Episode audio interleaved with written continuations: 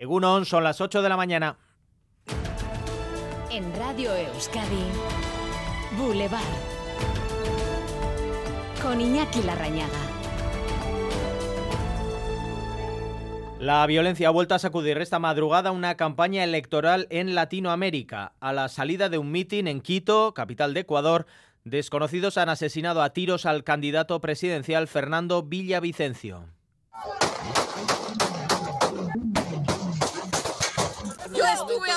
Mi hermano. Yo le dije, dijo, voy a hablar con Fernando. Ese rato eran como unas 100 balazos, eran como luces. Yo avancé a correr a un baño agachada, así gateando. Recibimos unas ráfagas de 40 disparos y Fernando desafortunadamente recibió disparos, al parecer, en la, en la cabeza. Nos acaban de confirmar eh, el equipo médico que ha fallecido. Es un dolor ah, indescriptible. El político cercano al actual presidente Lasso recibió varios disparos en la cabeza en el momento en el que entraba en su vehículo. El atacante habría muerto también en el tiroteo posterior. El candidato, periodista, centrado en la denuncia de la inseguridad y la corrupción, era uno de los candidatos a las presidenciales que se celebran en Ecuador el 20 de agosto. Su lema de campaña decía es tiempo de valientes. Un grupo ligado al cártel de Sinaloa ha reivindicado este asesinato.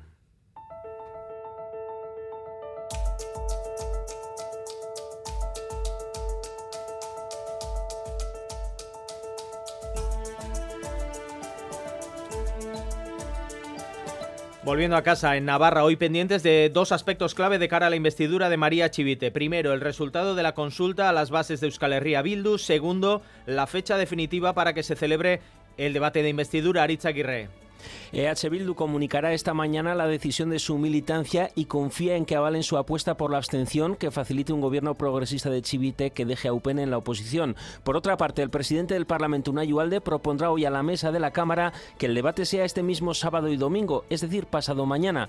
Y UPN quiere dar batalla desde el principio, anuncia un recurso porque no se cumplen los tres días de plazo que estipula la ley. Ualde asegura que el reglamento le da potestad para cortar los plazos, pero se arriesga un conflicto legal que luego la investidura pueda ser recurrida. La mesa decide hoy si el debate comenzará el sábado o el domingo. Pues se lo preguntaremos también a las 9 de la mañana al secretario de organización y negociador del Partido Socialista de Navarra, Ramón Alzorriz. Pendientes también de otra disputa política, la que enfrenta al PNV con socios y oposición a cuenta de la ley estatal de vivienda. El Endacari entraba ayer a la discusión por la brecha abierta por Esquerra reprochando a Euskal Herria Bildu despreciar el autogobierno y deslizando también que ni el Partido Socialista deseaba en realidad esta ley. Así Herrero. Parece que es una ley cargada por el diablo, escribía el Lendakari Íñigo Urcuyu. Hay posiciones políticas que las carga el diablo, respondía el secretario general de los socialistas vascos, Eneco Andueza. La ley de vivienda marca distancias entre el PNV y el resto de partidos, también de EH Bildu. La coalición Abertzale se mantiene fiel a la norma, algo que para Íñigo Urcuyu es una huida hacia adelante.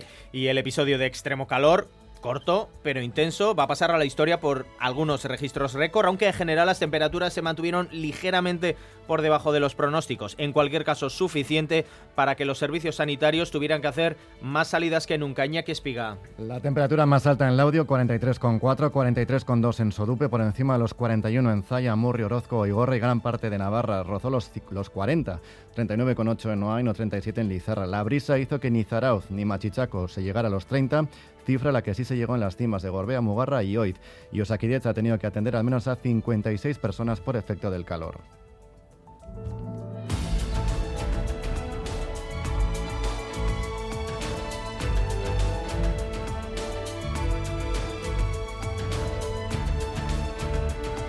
Vamos con más noticias con Ander López Lerena, Vitoria Gasteiz que se despide, se ha despedido ya de sus fiestas con la subida de Celedón. Como cada año en una abarrotada plaza de la Virgen Blanca con los pañuelos en alto, blusas en las cinturas y alguna que otra lágrima en los ojos, se despedían ayer los gasteiztarras de Celedón que subía hasta la Torre de San Miguel, donde descansará hasta el próximo año 2024. Adiós a Celedón en Vitoria y la siguiente en celebrar sus fiestas, siguiente capital, Donostia. El sábado arrancará Astenagusia con el cañonazo a la capital guipuzcoana. El objetivo celebrar unas fiestas libres de agresiones sexuales. Hoy acto en el Boulevard Donostierra contra las agresiones machistas en el que estarán presentes, entre otros, el alcalde Eneco Goya.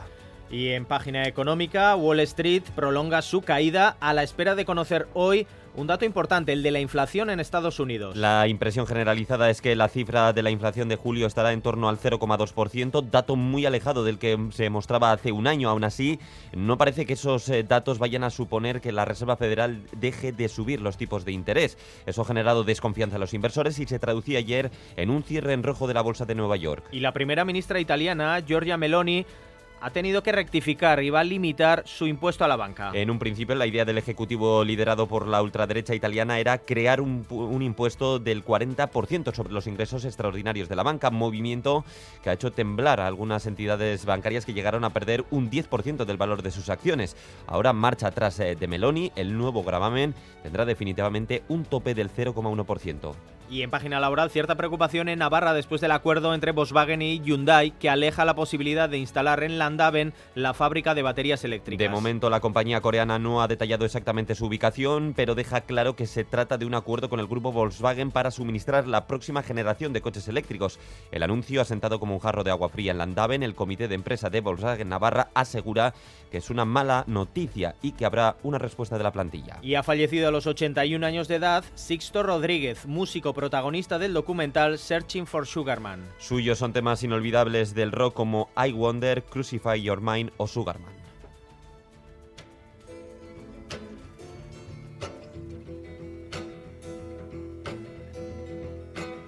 Sugarman, won't you hurry? Rodríguez, de origen mexicano, aunque nacido en Estados Unidos, tuvo un éxito tardío. No fue hasta después de haberse retirado y pasar desapercibido en Occidente cuando sus temas triunfaron en Sudáfrica y otros países africanos por sus letras contundentes contra el apartheid.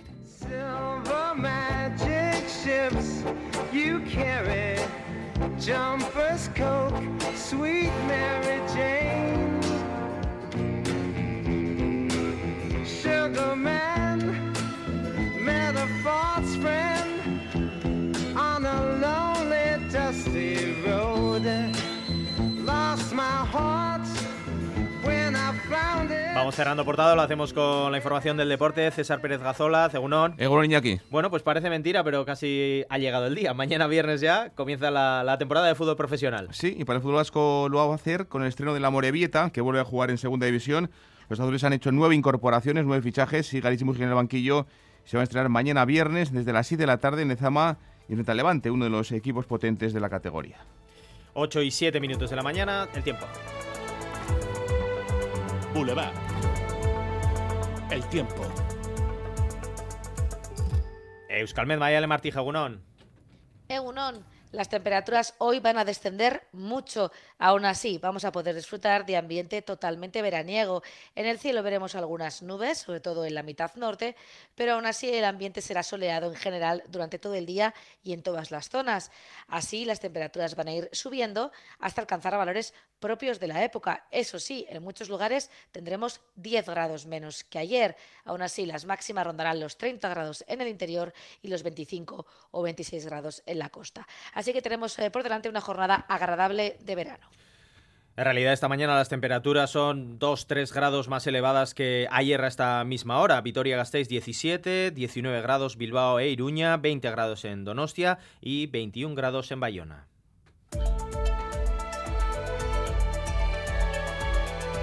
Boulevard. Tráfico. Y continuamos sin problemas en la red viaria vasca, según la información del Departamento Vasco de Seguridad y la Policía Foral Navarra. Ya lo saben, si son testigos de cualquier incidencia, nos lo pueden hacer llegar a través de un mensaje en el WhatsApp de Radio Euskadi, es el 688-840-840, en la dirección técnica Yayo Mejón y José Ignacio Revuelta. Recupera los contenidos de Radio Euskadi en la web eitv.eus y en la app EITV Nayeran.